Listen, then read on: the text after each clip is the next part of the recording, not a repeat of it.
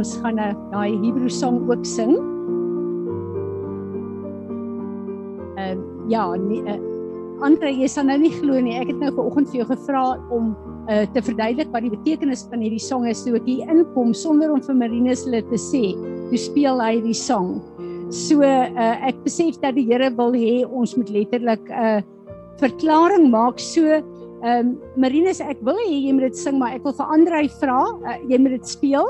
Ek wil vir Andre vra om vir ons te kom verduidelik. Uh, dit is die lied wat die Jode sing in hierdie tyd wat hulle hierdie fees vier. En dan wil ek as ons klaar is, Andrei, sal jy dan sommer vir Israel bid? En ons het die voorreg vandag om iemand te hê wat in Hebreëus vir Israel gaan bid. Dankie, kom sommer vir ons vorentoe.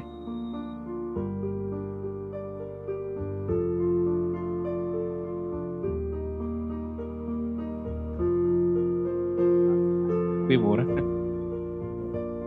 uh, wat hulle sing is hulle sing die Here dit gedoen dan sing hulle daai nou daai nou beteken it would have been enough. Nou die basis van dit is uh, Psalm 136 sê give thanks to the Lord for his good for his steadfast love years forever. En dan gaan dit aan en sê him who struck down the firstborn of Egypt for his steadfast love and years forever and brought Israel out from among them for his steadfast love and years forever? With strong hand and outstretched arm with steadfast love and years forever to him who divided the Red in two. So wat hulle doen is hulle sê die Here dit gedoen, maar dit het gedoen en dit het gedoen en dit gedeliver.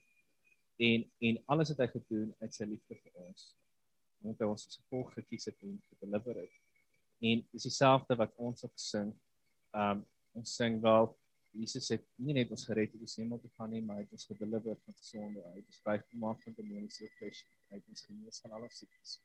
Hy het ons in 'n familie geplaas. Hy het ons deel van 'n liggaam geplaas. Hy het as hoof oor ons kom. Hy het sy gawes van die Gees uitgestuur. Die profetiese gawes het ons gegee, gawes van genesing het ons gegee. Hy het ons vyfvoudige bediening gegee om in ons lewe in te saai en te bou. En so die Here hy sy sy sy liefde hou net nie op nie. Hy sit beide en hy sit beide en dit is wat tog vra, het jy die die woorde? Uh, ek dink kom ons staan en sing dit en as ons dan klaar is, dan uh, kan Andrei bid. Hy sal vir ons vandag bid oor Israel in Hebreëus. Sal dit reg wees? Kom ons staan en ons sing hierdie liedjie. Dankie. Jy kan vir ons uh, bid. Een van die uh, groot dinge hoekom ons elke week vir Israel bid. Uh, die woord van die Here sê dat Israel se harte was hard en daarom het God vir ons die Gentiles kans gegee om in te kom. Nou moet ons bid dat die Jode inkom en dis hoekom dit so belangrik is. Die Here sê ook seën vir Israel en dis wat ons weekliks doen. So ek gaan my bes te probeer. Halleluja. Uh Baruch atah Adonai Eloheinu melech haolam. Baruch Hashem. Baruch imo im Israel.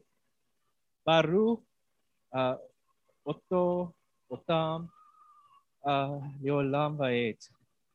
Uh ki אתה אלוהים.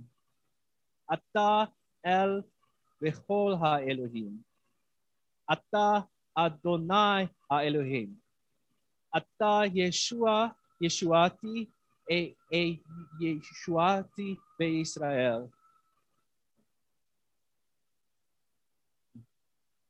Uh, so ek het gebid, uh, Here ons seën u skepper van die hemel Vader, ons seën vir Israel en ons seën vir al die mense wat in Israel bly.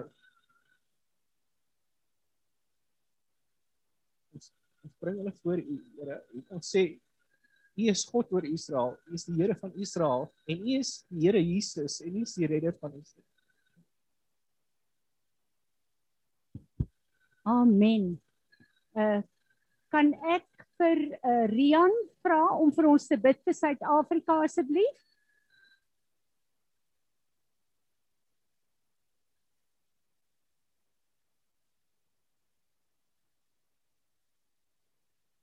Rian? Ehm um, ek is hier so goeiemôre almal. Vader, ek sê vir baie dankie dat ek vandag vir Israel kan ag vir Suid-Afrika kan bid.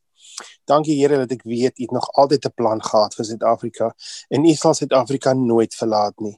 Ek bid Here dat elke persoon in Suid-Afrika U sal aangryp en die ware eh, visie vir hulle el, vir elkeen wat in Suid-Afrika is dat elke persoon wat 'n visie van die Here het, Vader dat daai visie sal sal sal ehm um, sal waar word, Here, dat elke persoon kan sien wat is in die skatkamers toegesluit, Here, wat U vir hulle graag wil gee. Ek weet jy het elke persoon wat in Suid-Afrika is daar geplaas vir 'n spesifieke plan en doel. Uh maak nie saak wie jy is nie, maak nie saak wat jy doen nie.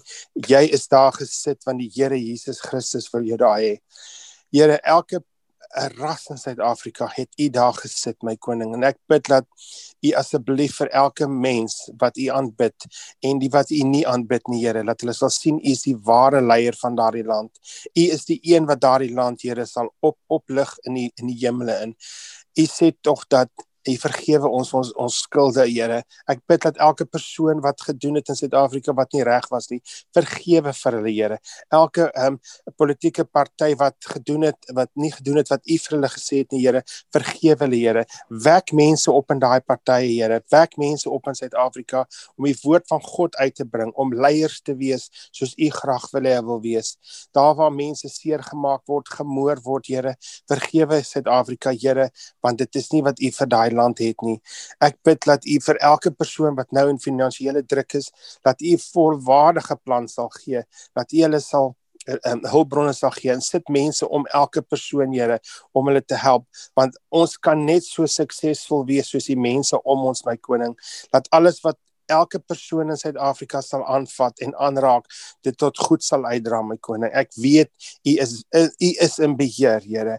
En ek bid vir elke persoon wat wat ehm um, hierdie afgelope tyd hulle werk verloor het. Ek bid Here dat u 'n nuwe paai sal oopmaak, dat u nuwe hulpbronne vir elke een sal uit uitbring en opbring Vader uit u hand uit. Sit mense om hulle om hulle te help en sit sit die ware leiers van Christus in die voorpunt. Here seën hulle, ehm um, maak hulle kragtig, Here.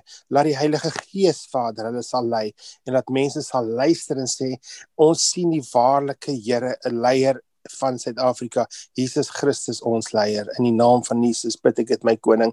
Ek pleit die bloed van Jesus oor almal. Ek pleit die beskerming van Jesus oor almal. Ek bid dat die engele vooruit sal gaan, Vader, om elke pad en elke pad oop te maak en elke klip uit te rol vir elke persoon wat ver oggend 'n stryd het, my koning. Ek loof en ek prys U, Vader. En daar waar daai bloed, Here, uh, uh, aan aan die aan die aan die deurposte is, bid ek dat daai bloed aan die die gateway sal wees in Suid-Afrika en ek herbevestig dat hy bloed om daai gateway sal wees en niks sal ingaan Here daar waar nie u wil hê dit moet ingaan nie. In die naam van Jesus van Nasaret amen. Amen. Dankie. Dankie Jan Eljo sal jy ons bid vir Amerika asseblief? Die einde van die aarde al sou sit en sê Here in die kosbare naam van Jesus kom bring ons dan vanoggend vir Amerika vir u. En ons vra van u die nasie Amerika. Here, u sê ook hier dat u uh met 'n eysterstaf, u sal stukkend slaan soos 'n kleipot, hulle sal verpletter wat teen u nasie is, wat teen u uh teen Amerika wat u nasie is, wat voor die grondlegging van die wêreld reeds aan u amper gegee is, Here. Vader, ek vra ook dat u die nasie sal eer en seën en elke leier in daai nasie sal sterk en kragtig maak en bekragtig sodat hulle u woord en u wil en u planne vir Amerika sal uitdra. Here ons eer hulle want hulle is 'n nasie wat u woord die wêreld ingeneem het en daarom kom vra ons Here dat net goedheid en guns vir hulle sal volg. En die Here ek vra dat hulle u sal dien met eerbied en sal juig oor u en met bewering hulle sal onderwerp aan u sodat u nie toornig verder sal word en dat hulle op die pad nie sal omkom nie want u toorn ontvlam gou. En daarom vra ons Here dat elke mens in Amerika U sal erken en U sal eer en Here elke knie sal buig en elke tong in Amerika sal bely dat U die almagtige Skepper is en ons bid dit in die naam van Jesus.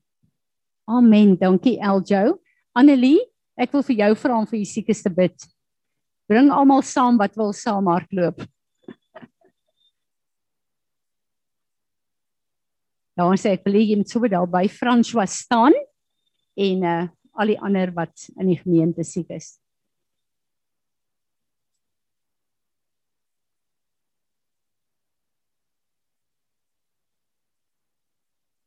Here, dankie dat ons net oom Fransja voor U kan bring. Here, ek vra dat U hom sal aanraak met U genesende hand en dat U hom sal toemaak met die bloed van Jesus, siel, gees en liggaam. Here, en ek bid dat U net hom sal genees en dat U um met hom sal wees en dat U hom sal bedien met U gees waar hy ook al gaan en in alles wat hy doen, dat U hom sal bedien waar hy gaan. In Jesus se naam.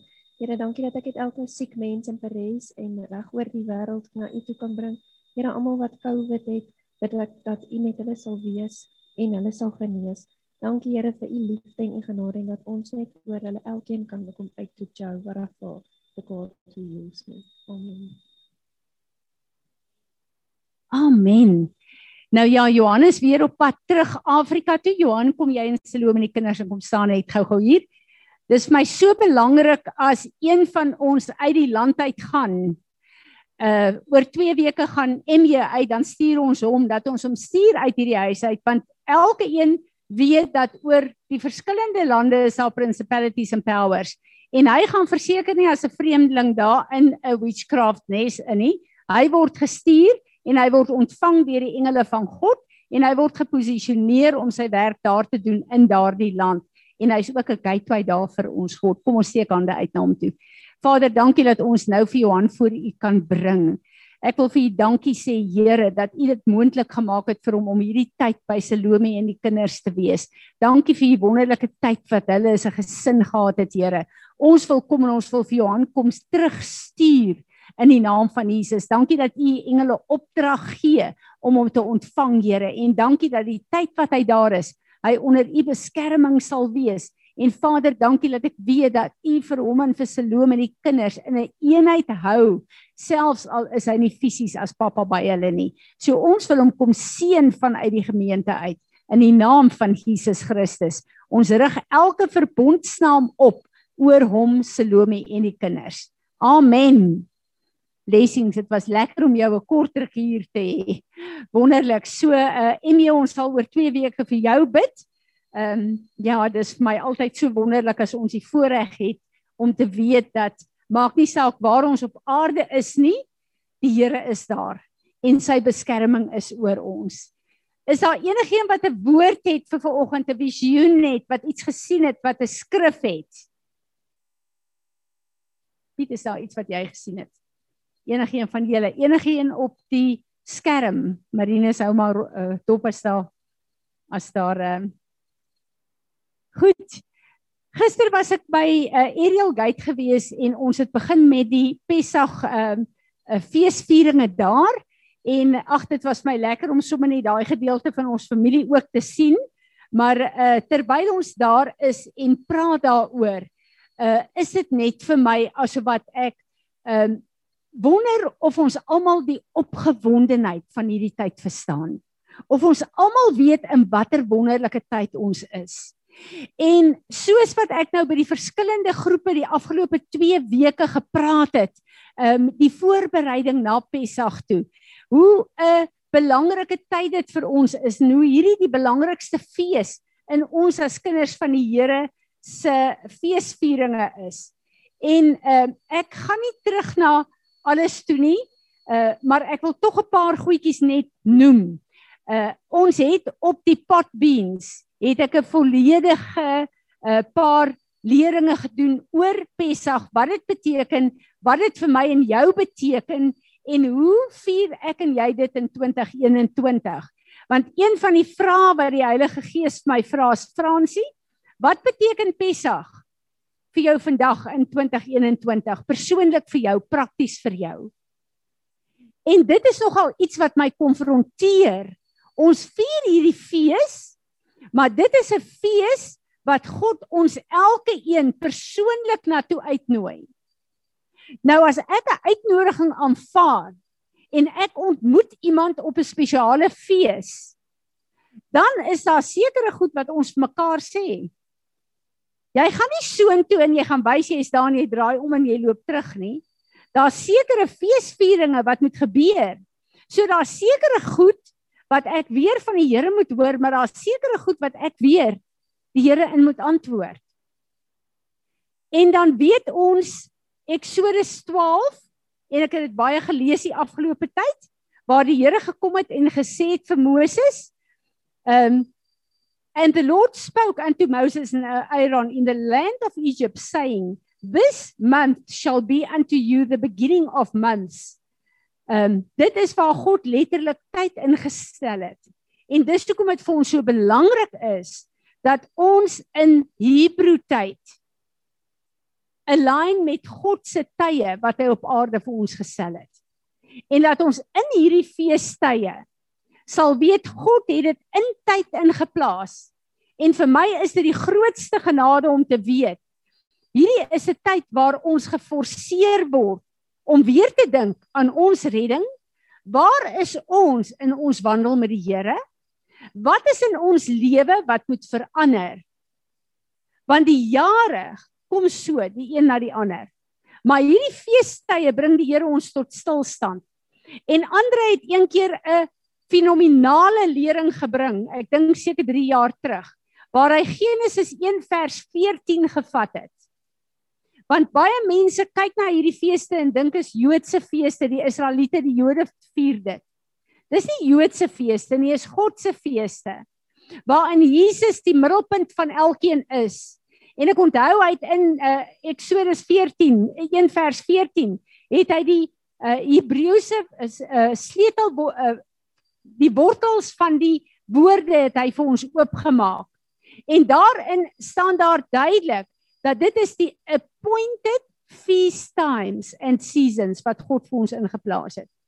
So hierdie is nou ons seisoen en ek en jy weer hier te wees en hierdie week hierdie feeste vier is ons sê ons ja vir die Here. Hier is ons.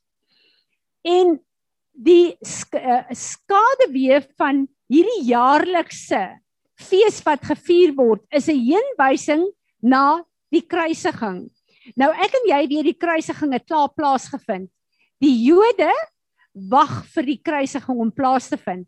Hulle erken Jesus se kruisiging en hulle sê dit is die Messias ben Josef Maar hulle wag vir die Messias ben Dawid. Maar dis dieselfde Messias. So hulle erken nie Jesus nie en ek en jy het die voorreg dat hierdie fees in ons lewe in vervulling gekom het die oomblik toe ons Jesus aangeneem het as ons persoonlike redder. Nou as ons kyk na uh, Israel hoe hulle hierdie fees vier.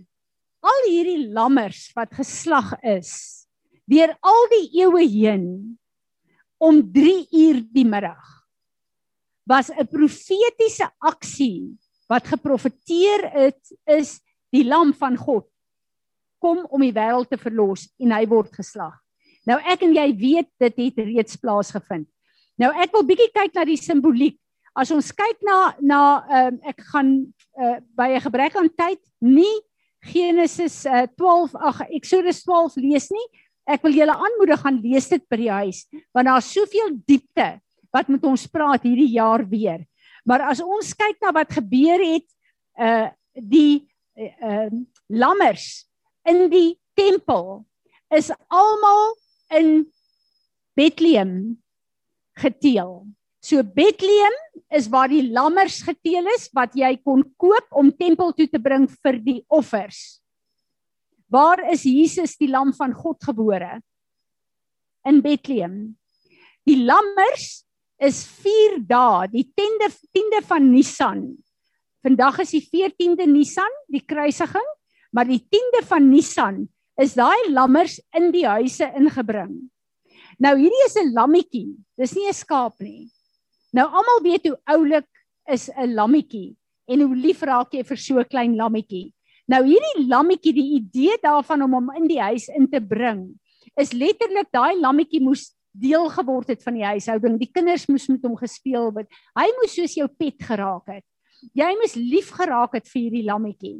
En dan moet jy deel wees om hierdie lammetjie dood te maak. Wat 'n heenwysing is van Jesus wat 4 dae voor die kruisiging het hy met die palmtakke ingekom in Jerusalem in en hy deel kom raak daar van die feesvieringe 4 dae voor die tyd. Net soos die lammetjies 4 dae voor die tyd tempel toe gebring is. En dan is hierdie lammetjie geslag wat letterlik vir die huishouding gevoel het ek het 'n verlies, iemand wat ek lief voor is het gesterf. Om die kosbaarheid van die offer van Jesus, Jesus wat saam met die disippels was, wat deel was van hulle huishouding, wat uh, die skares voor lief geraak het. Hierdie Jesus is gesterf het gesterf vir hulle sondes. Ons kyk ook dan na die die uh vind uh, môreoggend begin die uh fees van ongesuurde brode wat baie belangrik is en ek het gesê in ons vorige voorbereiding hiervoor uh ek het hierdie jaar vir die eerste keer besef die kruisiging moet eers kom en dan eers kan hulle deel met sonde. Nou die dag na die kruisiging, die Jode het 'n hele ritueel waar hulle houtlepel vat en dan word daar stukkies brood gebreek en weggesteek in die huis dan moet die kinders, net wel die kinders, moet hierdie brood soek want daar mag geen suurdeeg wat sonde verteenwoordig in hierdie huise wees nie. Dan het hulle hierdie houtlepel wat na die kruis toe verwys en hierdie veertjie wat die Heilige Gees verteenwoordig. En dan moet hulle dit op hierdie kruis gooi. Dit word in 'n linne doek toegedraai en uit die huis uitgewerp om verbrand te word. En dis letterlik wat ek en jy dan kan doen met sonde. Jesus het die prys betaal dat ek en jy kan deel met sonde in ons lewe. So hierdie skoonmaak van die huise is dan ook in die tyd toe Jesus voor hy gekruisig het, het hy in die tempel ingekom en wat het hy daar gedoen? Hy het die tempel skoon gemaak. Hy het daai tafels omgegooi. Hy het daai vals aanbidding vir daai gode, daai trading, het hy uitgegooi en uit die tempel uitgejaag. So dit is die simboliek daarvan wat in vervulling daar gekom het. Dan weet ons ook daai 4 dae wat die lammetjies in die huis ingebring is, is die tyd waar die lammetjies ondersoek is om te kyk is daar enige vlek of rimpel op hierdie lammetjies want daar mag niks op hierdie lammers wees nie. Ons weet dat Jesus is voor die Joodse uh, uh, raad gedaag en ook voor Pontius Pilatus. En wat was die die die die uh, uh, boodskap van Pontius Pilatus. Ek het gekyk maar daar is geen skuld aan hierdie lam in aan hierdie man nie. Dit wil sê daar's geen skuld aan hom nie. En dit is ook wat met die lammetjies gebeur in die rituele dan van die ehm um, uh, tempel. En dan uh ja, ek wil nie letterlik gaan na die die ehm um, na die uh, bekers toe nie. Ehm um, anders staan ek te lank daar uh, stil, maar wat belangrik is is dat die lammers is 3 uur in die middag geslag. Jesus is 3 uur in die middag gekruisig. So dis belangrik dat ons sal weet dat al die simboliek het Jesus as die lam van God vir ons vervul in 'n uh, uh, Pessach.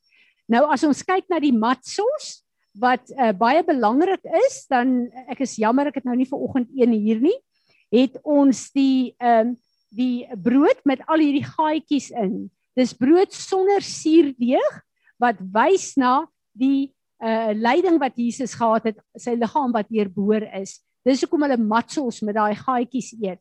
En 'n belangrike ding, hoekom uh is daai matzels? Hoekom is dit so belangrik vir ons? Dis 'n plek waar jy jouself totaal humble. Daar's niks in jou wat jou kan opblaas of puff nie. Daai matso verteenwoordig letterlik 'n lewe wat oorgegee is aan die Here, waar daar geen uh self uh uh, verheffing in jou is nie. Dis 'n lewe wat totaal oorgegee is en verneder is in die dood van Jesus Christus en dis wat ons doen met ons uh doop en met ons uh uh om te vereenselwig in sy doop en in sy opstanding. Maar ek wil ver oggend aan iets raak wat vir my so 'n openbaring was. Ons het die afgelope tyd, die afgelope ek kan sê amper 2 jaar, het die Here met ons begin praat oor die Melchisedek priesterorde. Ek en jy is in die priesterorde van Melchisedek. Die priesterorde wat Jesus die hoëpriester vir ons verkry het met wat hy op uh, Golgotha uh, afgehandel het. Nou as ons daarna kyk, dan kyk ons na die skrif in in in 2 Petrus wat sê ek en jy is 'n royal priesthood vir die Here hier op aarde. Nou wat beteken 'n priester? 'n Priester is iemand wat 'n tussenganger is, 'n kontak vir God is hier op aarde.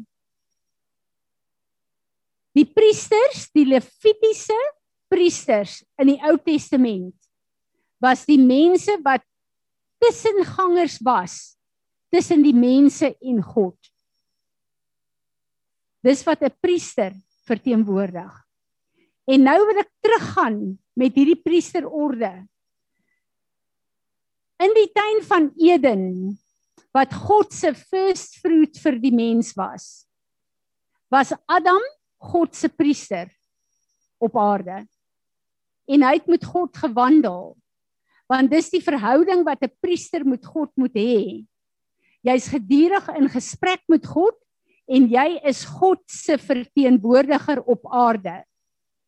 Ons weet dat Adam en Eva het geval. Ons gaan 'n bietjie vorentoe. Ons kyk na die Israeliete wat God uit Egipte uitgelei het. Nou God het altyd 'n priesterorde deur wie hy werk. Dis hoekom hy vandag deur sy liggaam werk wat ek en jy is wat die royal priesthood is. Maar toe hy in Egipte die Israeliete moes verlos uit daai afgodery en die wêreldorde. En ons weet as ons kyk na die rabbies dat die farao was 'n tipe van Satan. En die hele wêreldorde van destyds was ek kan amper sê Egipte die hoofkantoor gewees. Dit het die wêreldorde van daai tyd verteenwoordig. God het vir Moses 'n opdrag gegee en gesê hy wil sy volk bevry. So hy wil sy volk wegkry onder die heerskappy van uh die farao. En Moses moes na die farao toe gaan en sê die Here sê laat my volk trek want hulle moet my gaan aanbid. En dadelik sê die farao nee, al die aanbidding op aarde kom my toe. Ek sal dit nie toelaat nie.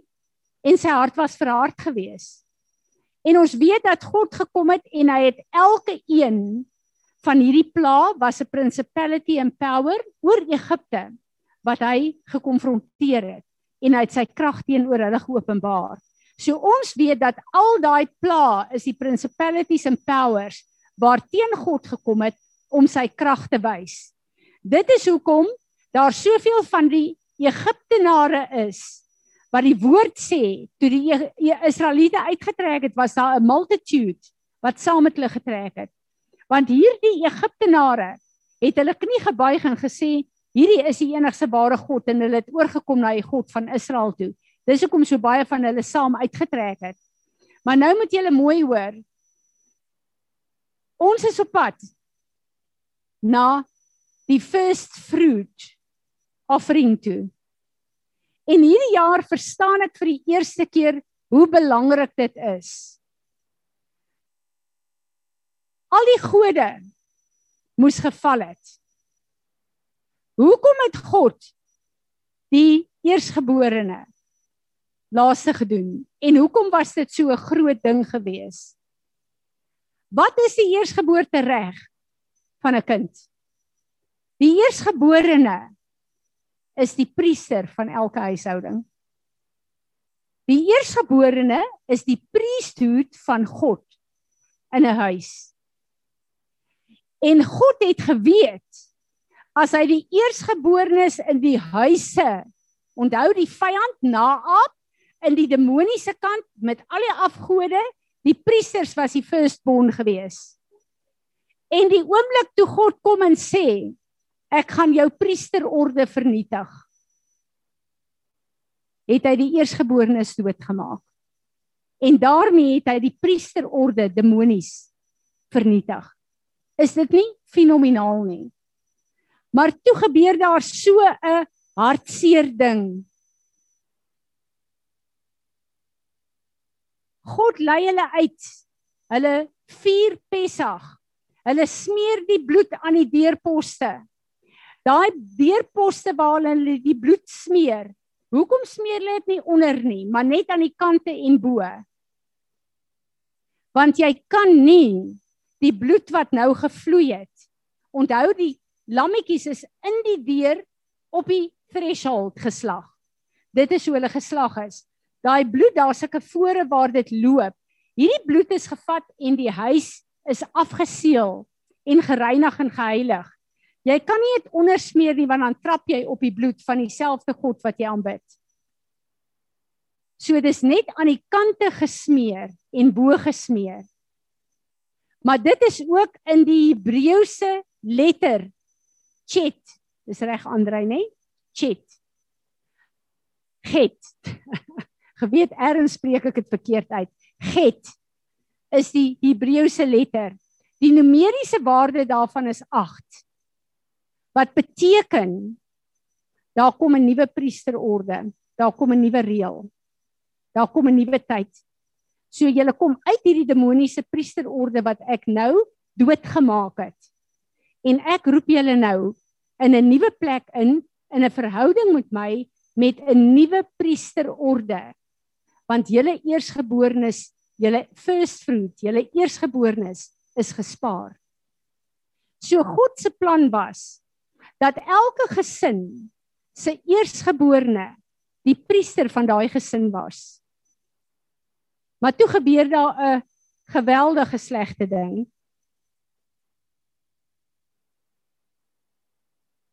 En ek wil vir julle 'n stukkie lees van hierdie rabbi.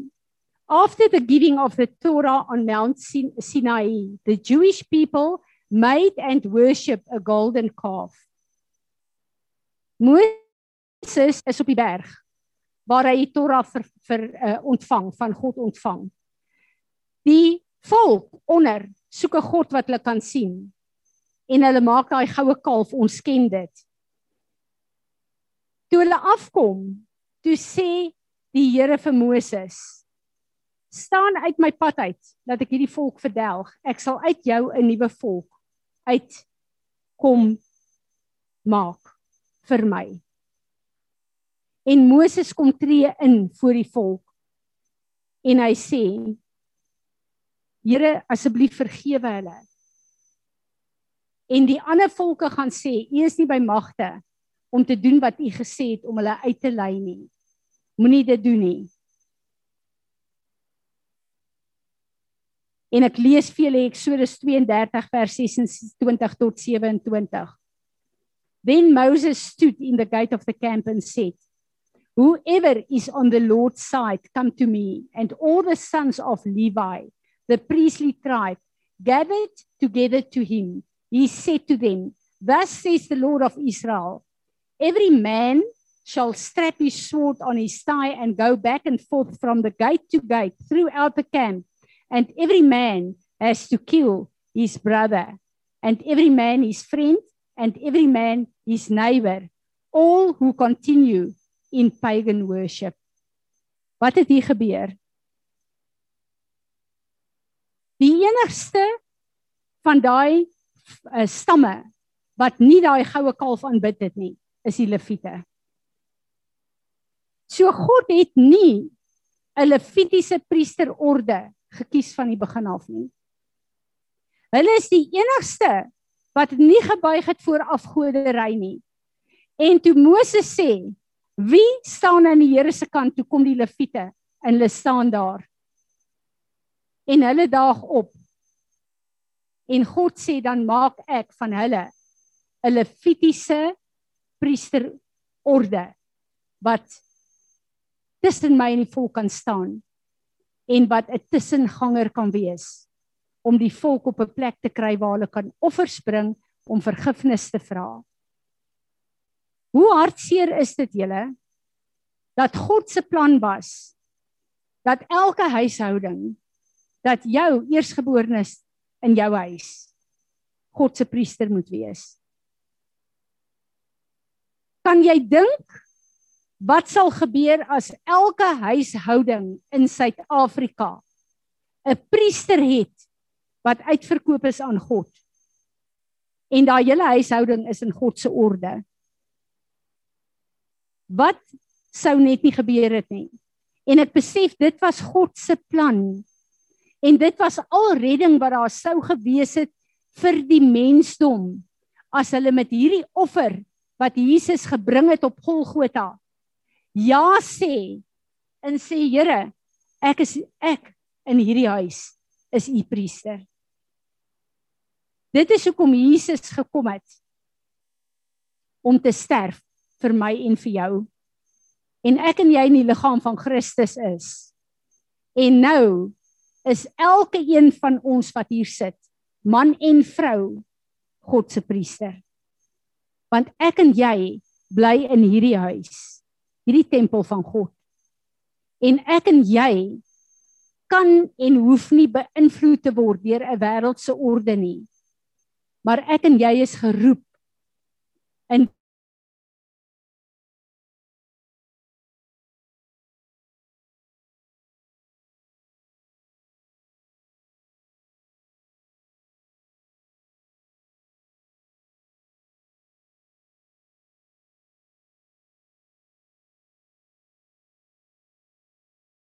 sê ons Jesus wat uit die graf uit opgestaan het.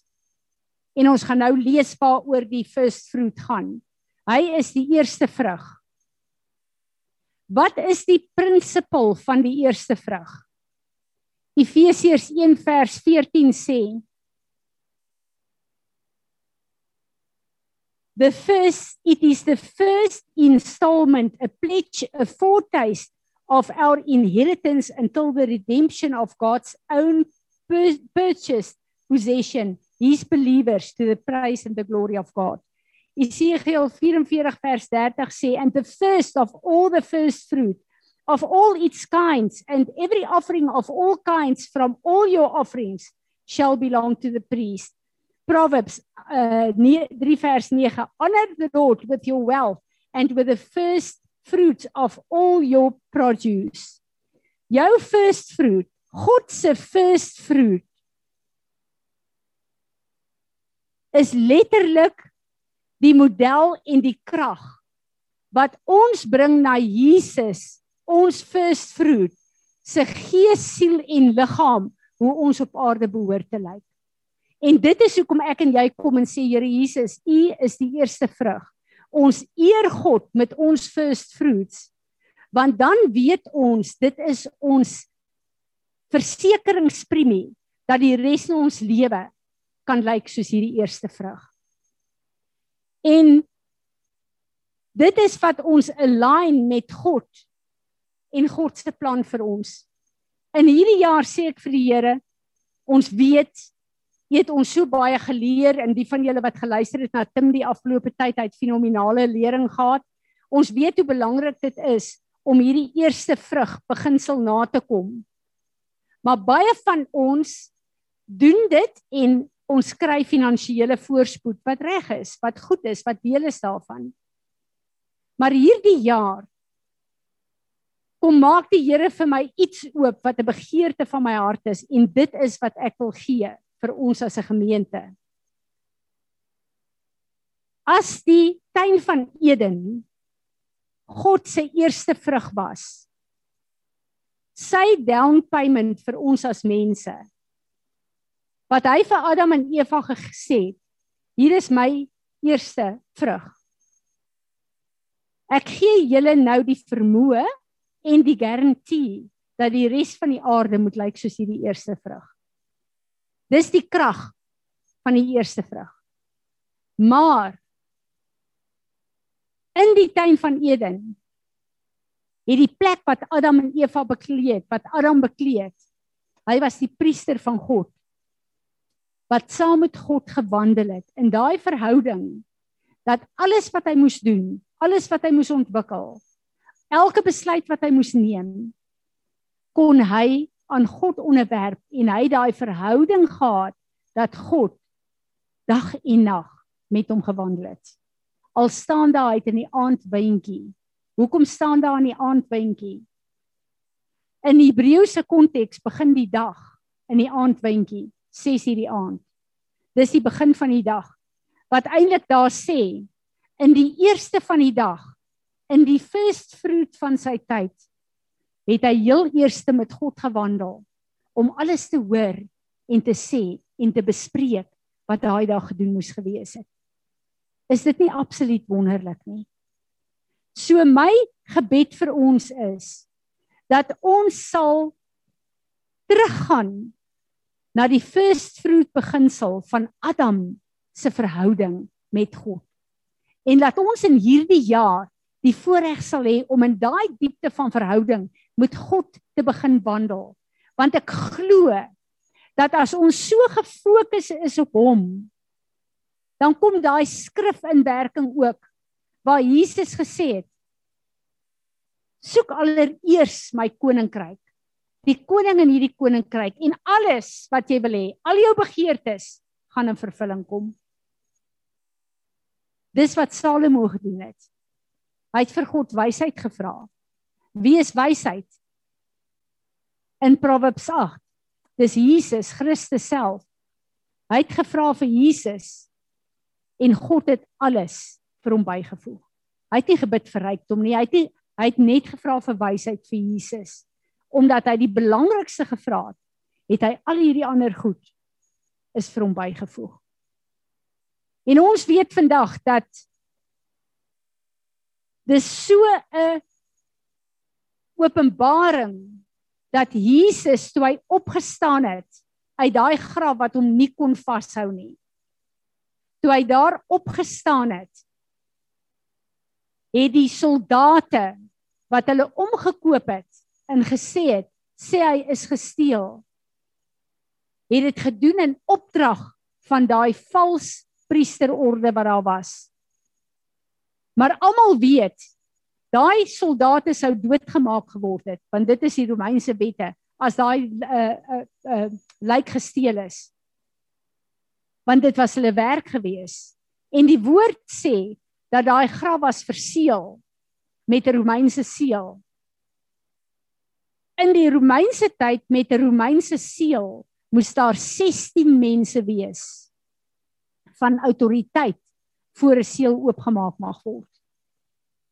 En daarom weet ons Jesus het opgestaan. En gister het apostel Natasha 'n hele ding daar gehad van die doeke en uh hoe hy uh, uh gebalsem is volgens die reëls van daai tyd en hoe daai hele omhulsel van hom nie aangeraak is nie want dit is meters en meters verbande en uh dit is 'n 100 uh pond se speserye en goed waarmee hy gebalsem is. Dit het alles daar gelê. Net die kopdoek was opgevou. Volgens die priester, as hy opgevou is, beteken dit hy kom terug. Uh dit is 'n boodskap wat hy gegee het daar. Jesus het opgestaan uit die graf uit. Maar sy opstandingskrag is deur Heilige Gees van God in elkeen van ons in uh, teenwoordig. En wat nogal vir my interessant is, ons weet daar's baie teoloë wat groot redenasies het van uh wat het gebeur in daai tyd wat Jesus in die graf was. En baie sê hy het ter helle neergedaal en hy het 'n geveg gehad oor die demoniese magte en hy het die sleutels van die doderyk teruggevat. Dit staan nie in die woord nie. Maar wat in die woord staan is op Golgotha. Toe hy gesê het dis volbring, is die vyand oorwin. Hy het nie nodig gehad om hel toe te gaan om hom te oorwin nie. Hy is oorwin toe dit volbring is op Golgotha en hy die perfekte offer geword het tot in alle ewigheid vir my en jy, jou en ek en jy kan opstaan vandag en sê he has risen. He has risen. Hy leef en ek en jy kan in 2021 in hierdie jaar staan en sê Here, U is die eerste vrug. Ons bid dat ons lewens al meer en meer sal lyk soos U en gelykvormig sal word met dit wat U afgehandel het op Golgotha. Amen. Is daar enigiemand van julle wat iets wil sê? Goed. Ek wil ver oggend iets doen. Georgie het 'n lieflike ehm um, mandjie van first fruits gemaak met vrugte rondom met baie van die uh, boere betaal hulle first fruits eers as hulle ge, geoes het, as hulle begin stroop. Daar's baie van julle wat reeds inbetaal het in 'n uh, ehm um, ons bankrekening in en uh die wat vandag hier in die mandjie is, wil ek oplig voor die Here. God is buite tyd. So elke first fruit of jou first fruit inbetaal is elektronies of jy dit met jou oes inbetaal of ek wil vanoggend kom en in gehoorsaamheid aan die woord van God kom. Vader, U sê in U woord, die eerste, die beste wat ons het, ons eer U daarmee. En daarom kom ons Here, ons bring dit as 'n honoring voor U. Ek wil dit kom wy voor U Here en ek wil vir U sê, dankie dat U woord sê hierdie is die down payment, hierdie is die alignment vir die res wat kom. Daarom wil ek kom en ek wil die krag, die opstandingskrag van hierdie first fruit kom uitspreek in ons elke een se lewe, gees, siel en liggaam. En Here, alles in ons lewe wat barren is, alles wat dood is, alles wat lam is, alles wat onvrugbaar is, ons spreek vandag die opstandingskrag van Jesus Christus daarin. En ons bid Here dat U die eer en die glorie daarvoor sal kry. En ons sê almal saam: Amen. Amen. Enigeen wat iets wil sê, iets wil vra. Piet, het jy iets gesien? Enigeen daar op die bord, Marinus? Amen. Ja,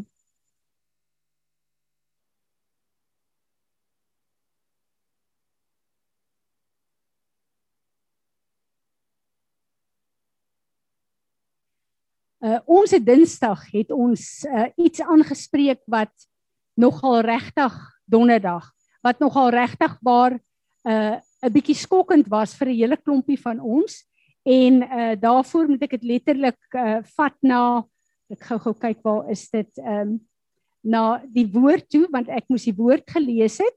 Uh ek wil vir julle vra luister na donderdag se maar ek gaan gou-gou tog raak omdat Izet um gevra het ons moet daaraan raak iets wat vir my totaal skokkend was is daar staan in die woord onthou daar is 'n multitude van mense wat saam gegaan het.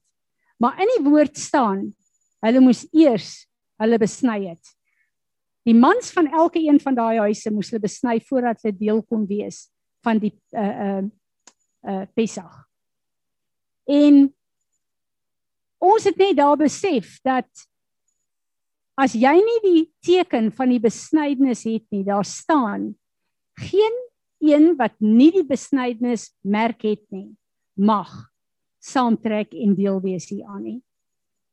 En wat is die verbondsmerk in die Nuwe Testament? Kolossense 2 vers 14. Jy kry daai verbondsmerk die oomblik as jy jou vereensgewig met sy doop en sy opstanding.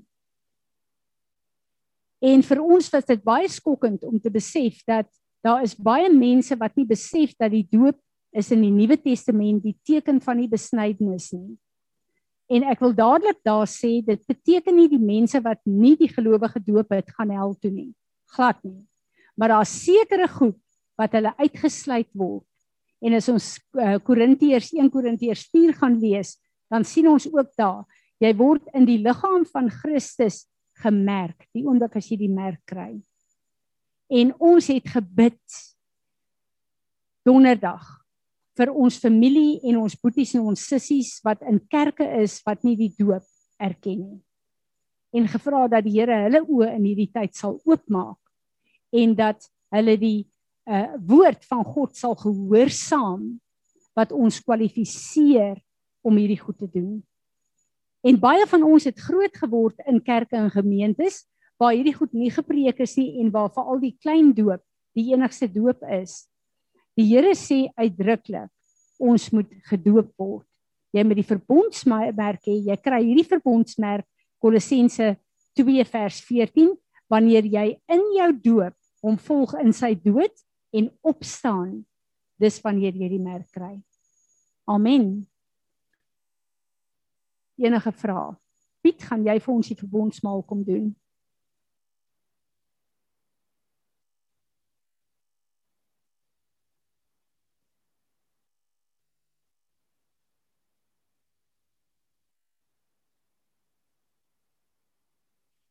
Dankie my man. Jesus is die oggend 9 uur op die kruis gesit en hy 3 uur gesterf. So die tyd wat die lammetjies doodgemaak is, 3 uur die middag, het hy sy asem uitgeblaas, is hy doodgemaak. En dis vir my so interessant dat van die 9de uur tot die uh, tot die 3de uh, tot 3 uur die middag, hoeveel ure is dit? Hoekom? Hy die volle prys van die mens betaal, gees, siel en liggaam. 6 is die getal van die mens. Is dit nie amazing nie? Hoe hoe diep word jy onder die grond begrawe? Hoeveel kante het jou kus?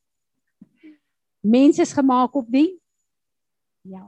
So, hy het 6 ure aan die kruis gehang. En iets wat vir my ook op nuut weer opgeval het, uh daar staan in die woord die Israeliete het uitgetrek in die armies wat die woord is vir in hulle 'n uh, um 'n uh, um stamme. En uh, ek het al baie daaroor gepraat, maar as jy gaan kyk, gaan Google 'n bietjie en kyk hoe die Israeliete getrek uh deur die woestyn na die beloofde land toe in die verskillende stamme. Dis 'n teken van 'n kruis. Met reg in die middel was die tabernakel gewees. Dis amazing. So elke keer as God afgekyk het na hierdie hardkoppige brommende, klaande, kermende Israeliete, dan het hy die genade van die kruis van sy seun gesien. En sy woede het nie ontvlam nie. Daar is soveel genade van God in sy woord vir elkeen van ons dat ek besef dat hy het alles voorsiening voorgemaak om ons gered te kry. Amen. Dankie Piet.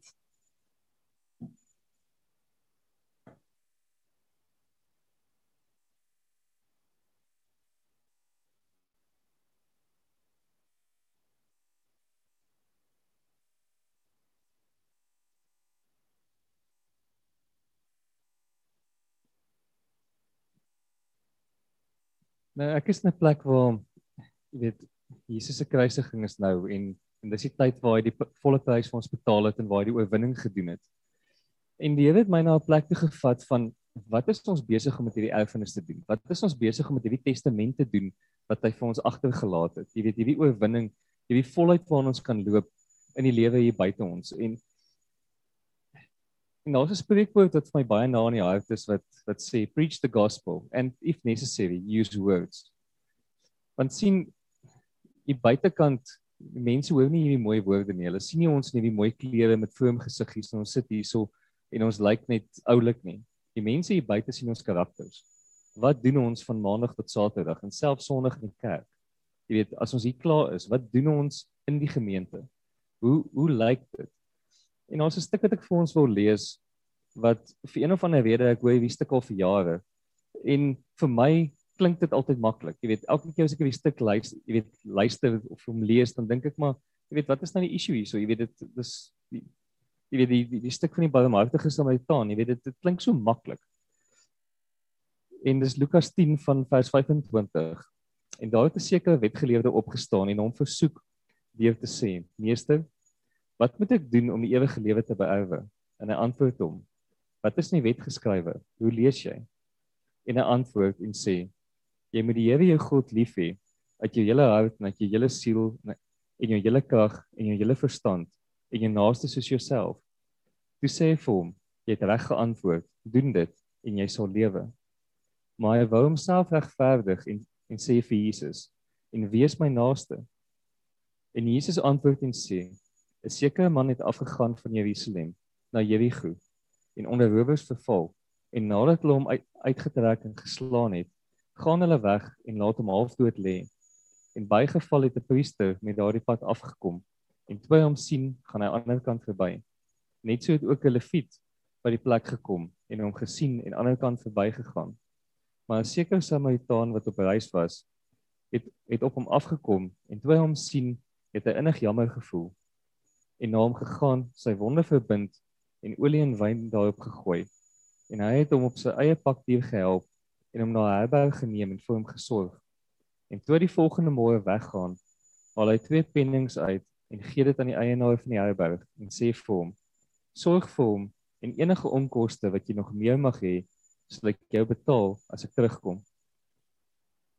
Nou hier is twee karaktereienskappe in hierdie stuk. Wel, eintlik 3 van die wetgeleerde. Ek meen wat het hy eintlik vir Jesus hier gevra? Hy het eintlik vir Jesus hier gesê, maar weet wat? Dis nou goed en wel ek ken die woord van God. Maar wat is die minimum requirements waarmee ek kan wegkom?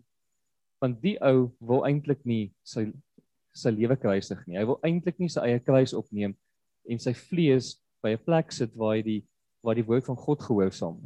En ongelukkig die woord van God gaan lynreg teen ons vlees in. En daar's daadwerklike ding wat ons elke dag moet doen om in hierdie ding in te loop. Jy weet, dis nie 'n maklike ding wat vir ons kom nie. Dis nie 'n natuurlike ding wat net gebeur nie. Dis 'n ding wat ons elke dag saam met Jesus in sy oorwinning moet uitstap om ons vlees by 'n plek te kry waar ons gehoorsaam is aan die Here. En ongelukkig wil die ou eintlik maar net weet maar waarmee kan ek wegkom? Ek stel nie eintlik belang om te doen wat in die woord aangaan nie. Ek wil net lyk like of ek weet of alles mooi is en waarmee kan ek wegkom? Wat is die minimum waarmee ek weet waarmee ek kan gaan. En dan is die jy weet die die twee die priester en die leviet. Ek meen wat wat sê hy hierso? En ek dink in die eerste sin van die Samaritaan, jy weet, het dit my eintlik begin sla, slaan waar die waar die Samaritaan het na die ou gekyk en hy het innig jammer gevoel. Die ou het 'n sagte hart gehad. Hy het 'n hart gehad waar hy al sy hart van vlees saam met die Here uit of sy hart van klip saam met die Here uitgeruil het vir hart van vlees waar hy sagte hart gehad het wat die Here met hom kon werk om actually jammer te voel vir iemand. Waar hy iets kon doen jy weet vir iemand ten koste van homself. En ek sê nou eintlik die koste wat hierdie ou weet betaal het om hierdie man te help weet net gou vinnig gebeur gaan deur gaan. Want vir my was die koste altyd niks gewees nie. Dit het altyd so maklik gelyk. Maar hierdie ou het 'n sagte hart gehad waar dit beteken nie as ons hier sit dat ons nie dat ons nie harte van klip het nie. As ons nie saam in die Here werk en hom toelaat om ons harte te kom verander nie, gaan dit om hier in die kerk te sit nie 'n verskil maak nie. Ons gaan maar net 'n hart van klip hê en ons gaan maar net buitekant uitkyk en ons gaan maar net verby almal stap. Nou ek weet ons kan nie alles vir almal doen nie, maar ons kan ten minste iets doen. Eerens kan ons iets doen wat die Here ons lei.